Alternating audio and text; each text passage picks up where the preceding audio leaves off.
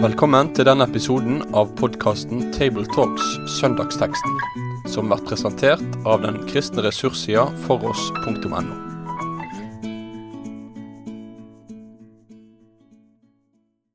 Vel møtt til Tabletalks og gjennomgåelse av søndagens tekst. Vi er samlet her Svein Granerud, Egil Sjåstad og Asbjørn Kvalbein. Og vi skal samtale om teksten for tredje søndag i treenighetstiden, Johannes 1, 35-51. Og jeg leser den like godt selv. Dagen etter sto Johannes der igjen og to av disiplene hans. Da han fikk se Jesus som kom gående, sa han, Se, der Guds lam. De to disiplene hørte det han sa, og de fulgte etter Jesus. Jesus vendte seg og så at de fulgte etter ham. Han sier til dem, Hva søker dere? De sa til ham, Rabbi, det betyr mester, hvor bor du? Han sier til dem, Kom og se. De kom da og så hvor han bodde, og de ble hos ham den dagen. Det var omkring den tiende time.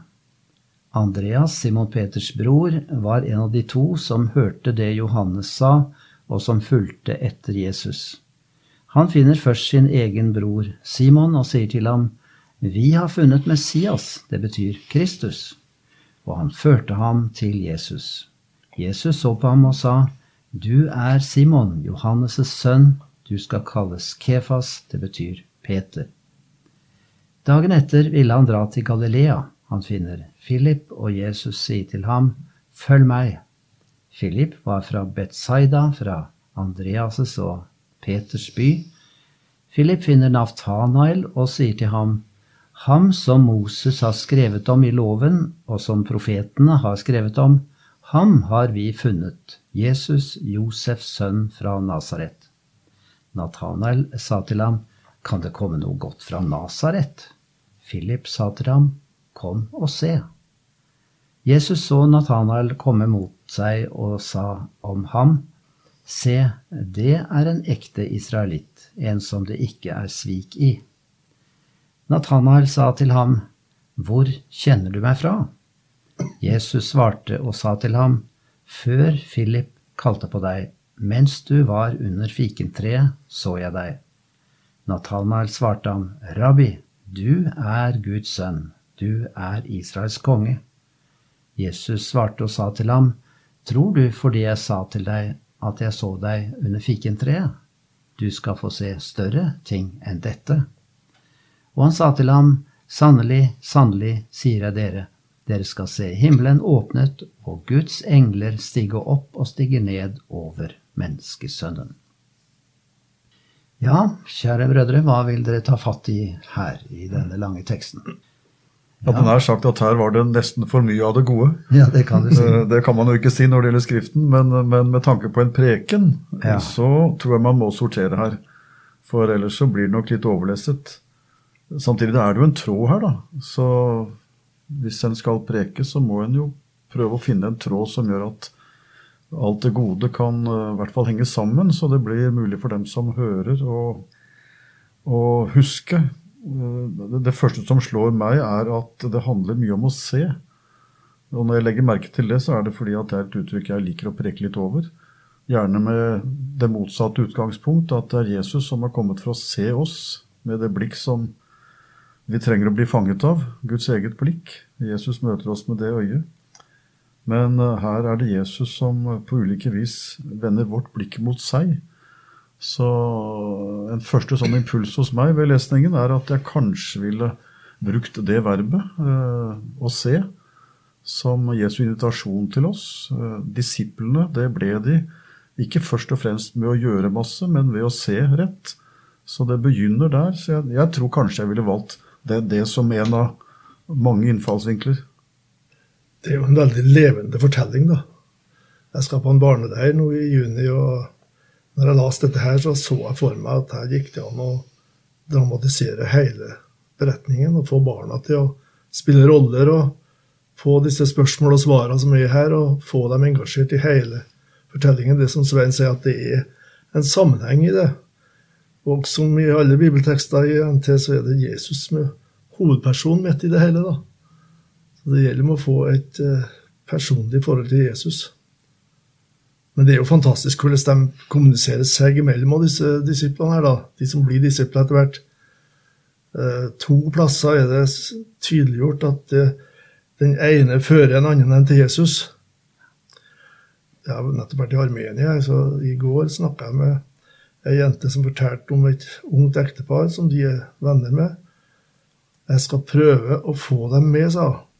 Da skulle de på en eh, bibelleir for bibelleseringen i Armenia. Og å ha tro for at de to som ikke var troende, skulle bli med på den leiren. Og de opplevde mange ganger at folk som har blitt med på den leiren, som ikke var troende i utgangspunktet, de fikk ikke møte med Jesus. Så det håper jeg på. Ja, det er jo som dere sier, det er eh, opplegg til mange prekener her. F.eks. allerede første som Johannes sier, 'Se der Guds lam'. Det er klart at der klinger det både Jesaja 53 om eh, Jesus som er spådd om, men jeg tenker også på det som, eh, som Abraham sa til sin sønn. Gud skal selv utse seg lammet, min sønn. Og det er da plutselig, etter en lang tid med masse offerlam i tempelet, som var deres lam til offer for Gud, så var det plutselig Guds lam som trer fram. Det måtte ha vært en frysning nedover ryggen til de som hørte dette her. Eh, og som sagt en hel preken for seg selv, akkurat det leddet, da. De hadde jo påskelam ikke sant, hvert år, som minte om lammets betydning. Og de leser Jesaja 53 om lammet som føres bort for å slaktes. Så alt dette der ble aktualisert når, Jesus, når døperen sier det om Jesus. da. Ja. ja, og Hvis vi da skulle spinne litt videre på den tråden jeg eh, begynte på, så tenker jeg jo at det også se, det er i Skriften ikke nødvendigvis bare et uttrykk for at man bruker synet sitt. Men det henger jo sammen med at man ser noe som man uh, får kunnskap av, eller kanskje enda dypere. Man ser seg selv best når man ser uh, Jesus. Fordi vi speiler oss i det vi ser når vi møter Han. For det er bare da jeg blir den jeg skal være. Jeg finner meg selv kun når mitt blikk hviler på Han. Man kan lage mange assosiasjoner som folk kjenner seg igjen i, alt det som fanger våre blikk. Og så er det en som ønsker å fange våre øyne og ber oss se. Så, så jeg tenker det som vi nå har delt sammen så langt, det er for meg veldig enkelt å knytte opp mot ønsket eller utfordringen til å vende blikket slik at du ser lammet. Når du ser han, så får du også se mye mer, men det begynner der. Det er liv i å se på det Golgata kors, og det er det om lammet som skal se. Ja. Det er jo ofte sagt at uh, man legger merke til det siste et menneske sier på denne jord før de dør.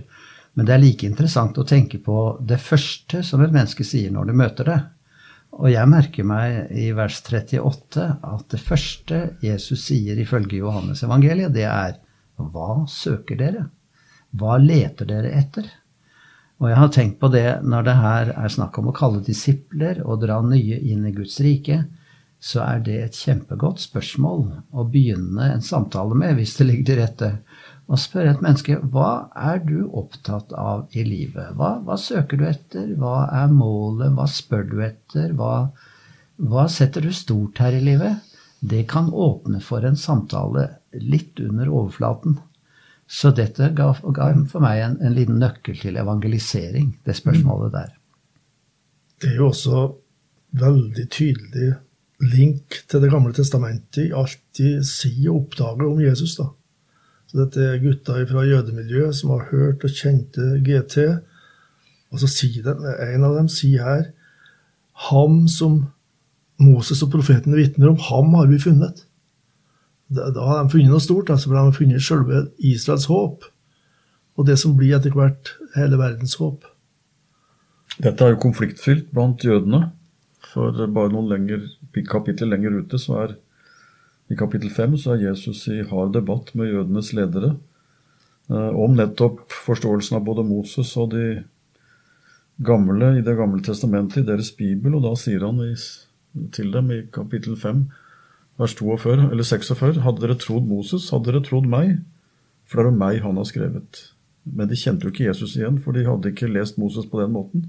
Men her er det altså noen som aner at uh, den rette forståelsen av Moses, ja, det må være å favne Jesus som Guds lam. Det er, det er sprengstoff i datidens jødiske miljø, og det er sånn vi som kristne tenker. Jesus han er den som de har talt om før. Nå kommer han og oppfyller. Det er både Messias, blir jo sagt rett ut her, da. Vi har funnet Messias. Så eh, Andreas regner med faktisk at det er Messias-forventningene som nå går i oppfyllelse i Kristus. Og lenger nede så sier Nathanael du er Guds sønn, du er Israels konge. Til sammen så er det jo veldig sterke utsagn om hvem Jesus er, som svaret på løftet i Det gamle testamentet. Og vi har snakka om Guds land. Så det er store temaer som de da mener at har forankring i Det gamle testamentet. da. Og sånn må vi også preike om det. Ja, og det er interessant. Vi har lett for her å grave inn og peke på de store sammenhenger, men ordene er jo så enkle, på en måte. Og, og han sier altså Jesus, kom og se. Eh, bare kom og opplev. Bli overbevist. Eh, jeg venter ikke at dere skal ha alle svarene. Og når vi tenker på det som et sånt evangeliseringssvar, kom og opplev du, opplev selv, så er det så morsomt at uh, Philip gjentar akkurat det i vers 46. Kom og se. Mm. Så det er som den tonen du slo av, Svein, dette med å se, oppleve, erkjenne, få et kjennskap til dette som er så radikalt nytt med Jesus. Må jeg bare føye til helt personlig at i min daglige bibellesning, jeg leser nå Bibelen sånn fra perm til perm. Det tar litt tid, det. Men akkurat nå er jeg i tredje Mosebok. Og i dag tidlig så leste jeg om ofringene og alle disse dyrene som Moses' sønner skulle bære fram. Og da tenker jeg så godt som det står i hebreerbrevet, én gang for alle. For hebreerbrevet sier mange ganger med tanke på de gjentatte ofringer i gamle pakt Jesus har ofret én gang for alle, står det flere ganger der. Og når jeg leser det her, så tenker jeg ja, nå er vi der hvor de mange ganger blir avløst snart av den ene, fordi det er ett lam. Og da gjelder det også å se det, for i det så ligger en helt ny vei til trygghet og frelse for den som, eh, som ser Jesus. Ett lam, én gang, for alle. Det er jo flott å se hvordan Jesus også gjennomskuer disse ungguttene her da, som kommer. Han kjenner dem i utgangspunktet. Han vet hvem de er, det står jo i kapittel to her at han, kjente, han trengte ikke at noen fortalte han om noe annet menneske, for han visste å kjenne dem til bunns. Han vet hva som bor i menneskehjertet. Og her ser han også noe spesielt med Peter, at Peter kan bli en viktig disippel. Du er Kefas, sa han senere en gang, og her står det du skal kalles Kefas, det betyr Peter. Dette er da navneseremonien, nærmest. Han skal få en viktig rolle og representere liksom det budskapet som, som eh, Jesus kom med. Og Nathanael han, han blir omtalt som en ekte israelitt som det ikke finnes svik i. Det betyr åpenbart ikke at han ikke er en synder, men en som da på det mellommenneskelige plan levde et uh, liv i pålitelighet. Og som, Han er vel hel ved, som du sier da? Hel ved, ja. ja. ja. ja. Ja altså de kalles til etterfølgelse her. Følg meg. Hva innebærer det? Hvordan skal vi forklare det for vanlige mennesker i dag? Hva det innebærer i vår tid? En kunne jo begynne med å si at det er ikke så greit for oss som ikke kan se slik disiplene gjorde. Det er litt rått parti. Her skal vi sitte og lese 2000 år etterpå om det som de opplevde rent fysisk. Eh, jeg pleier å si da til meg selv og til dem jeg forkynner for, at eh, vi er ikke så mye dårligere stilt, egentlig. For troens øye det kan se det samme nå som de så med sitt fysiske øye da. Og troens øye det ser det som troens øre hører, eller det som det lesende øyet ser. Så starten på den vandringen som du inviterer til, Asbjørn, den begynner iallfall med å glede seg over at det som disse opplevde, kan jeg få se med det jeg gjerne kaller troens øye, altså tillitens blikk, som opptrer der hvor jeg leser og lytter, leser og lytter, så er Jesus i ordet sitt. Det kan vi aldri understreke nok. Og det, og det henger veldig sammen med den utfordringen vi bør gi til hverandre i dag, om å være flittige bibellesere. For uh, bruker ikke vi Bibelen, så blir det ikke veldig mye blikk på Jesus. Men slutten av teksten her antyder noen ting om at Nathanael skal se større ting etter hvert. Han skal se mer og mer.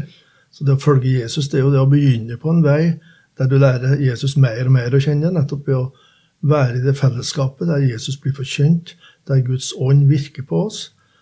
Og eh, det som Jesus sier her, da, det, det skal få skje større ting enn dette. Altså det at Jesus gjennomskuer at Jesus er helt suveren sånn. Eh, kapittelet etterpå kommer bryllupet i Kana, og så kommer det store undergjerninger etter hvert som gjorde at disse disiplene her fikk dypere og dypere inntrykk av hvem er Jesus, hvem er det vi nå har satt, eh, begynt å følge. Og litt av det tenker jeg også med vår tid. altså Ungdom som kommer til tro på Jesus, de, de, må føres videre. De må hjelpes inn i det kristne fellesskapet og høre og høre på nytt og på nytt. Og oppleve at Jesus faktisk eh, åpenbarer seg da, for dem. Så er det vel et poeng Nå er jo dette Jesu kall av sine tolv disipler, som jo får en egen status som kirkens eh, tolv apostler. Men, men, samtidig tenker vi har full rett til oss å tenke rent menneskelig eh, om at dette var en gjeng unge mannfolk som møtte en som de fant var verdt å følge, og så fant de hverandre. Noen kjente hverandre, noen kjente hverandre ikke, men de ble altså en flokk. Og for dem så er jeg helt sikker på, om vi hadde spurt dem, det betydde mye at de ikke var alene. Det betydde mye at vi var flere. Det var viktig når ting skjedde, ting ble tøft. Vi var flere sammen med Jesus. Selvfølgelig var det viktig at han var der. Men det var godt at vi var flere, vi også. Så jeg vil nok, uten å dra sammenligningen med disiplene for langt, allikevel si eh, når du følger Jesus, ja, pass på at du henger sammen med noen. At du er der hvor andre er, som også hører Jesus til. Det, det er med å bevare oss og sånn. Det betydde også noe for de tolv, og det ser vi både av Bibelen og erfaringen. Viktig å henge sammen med noen andre for oss som vil henge sammen med Jesus. Jeg minte om dette spørsmålet som Jesus stilte. Hva søker dere? Hva er dere opptatt av? Og de svarer egentlig ikke på det spørsmålet, men de kom med et motspørsmål. Rabbi, hvor bor du? Altså, Det kan legges eh, flere ting i det spørsmålet. Det ene er at de har lyst til å møte han og komme hjem til han og se ham hvor han er. Men det kan også være et tegn på at de ønsker å bli disipler. Men de sier det på en sånn indirekte måte. Men kanskje også en tredje grunn. Det, det er, er du et vanlig menneske? Er du en sånn som eh, alle andre har et bosted. Det er jo rart, men hvis vi kommer hjem til noen, så får vi straks et inntrykk av en uh, omgivelse som folk omgir seg med. Vi blir mer kjent med den personen vi besøker.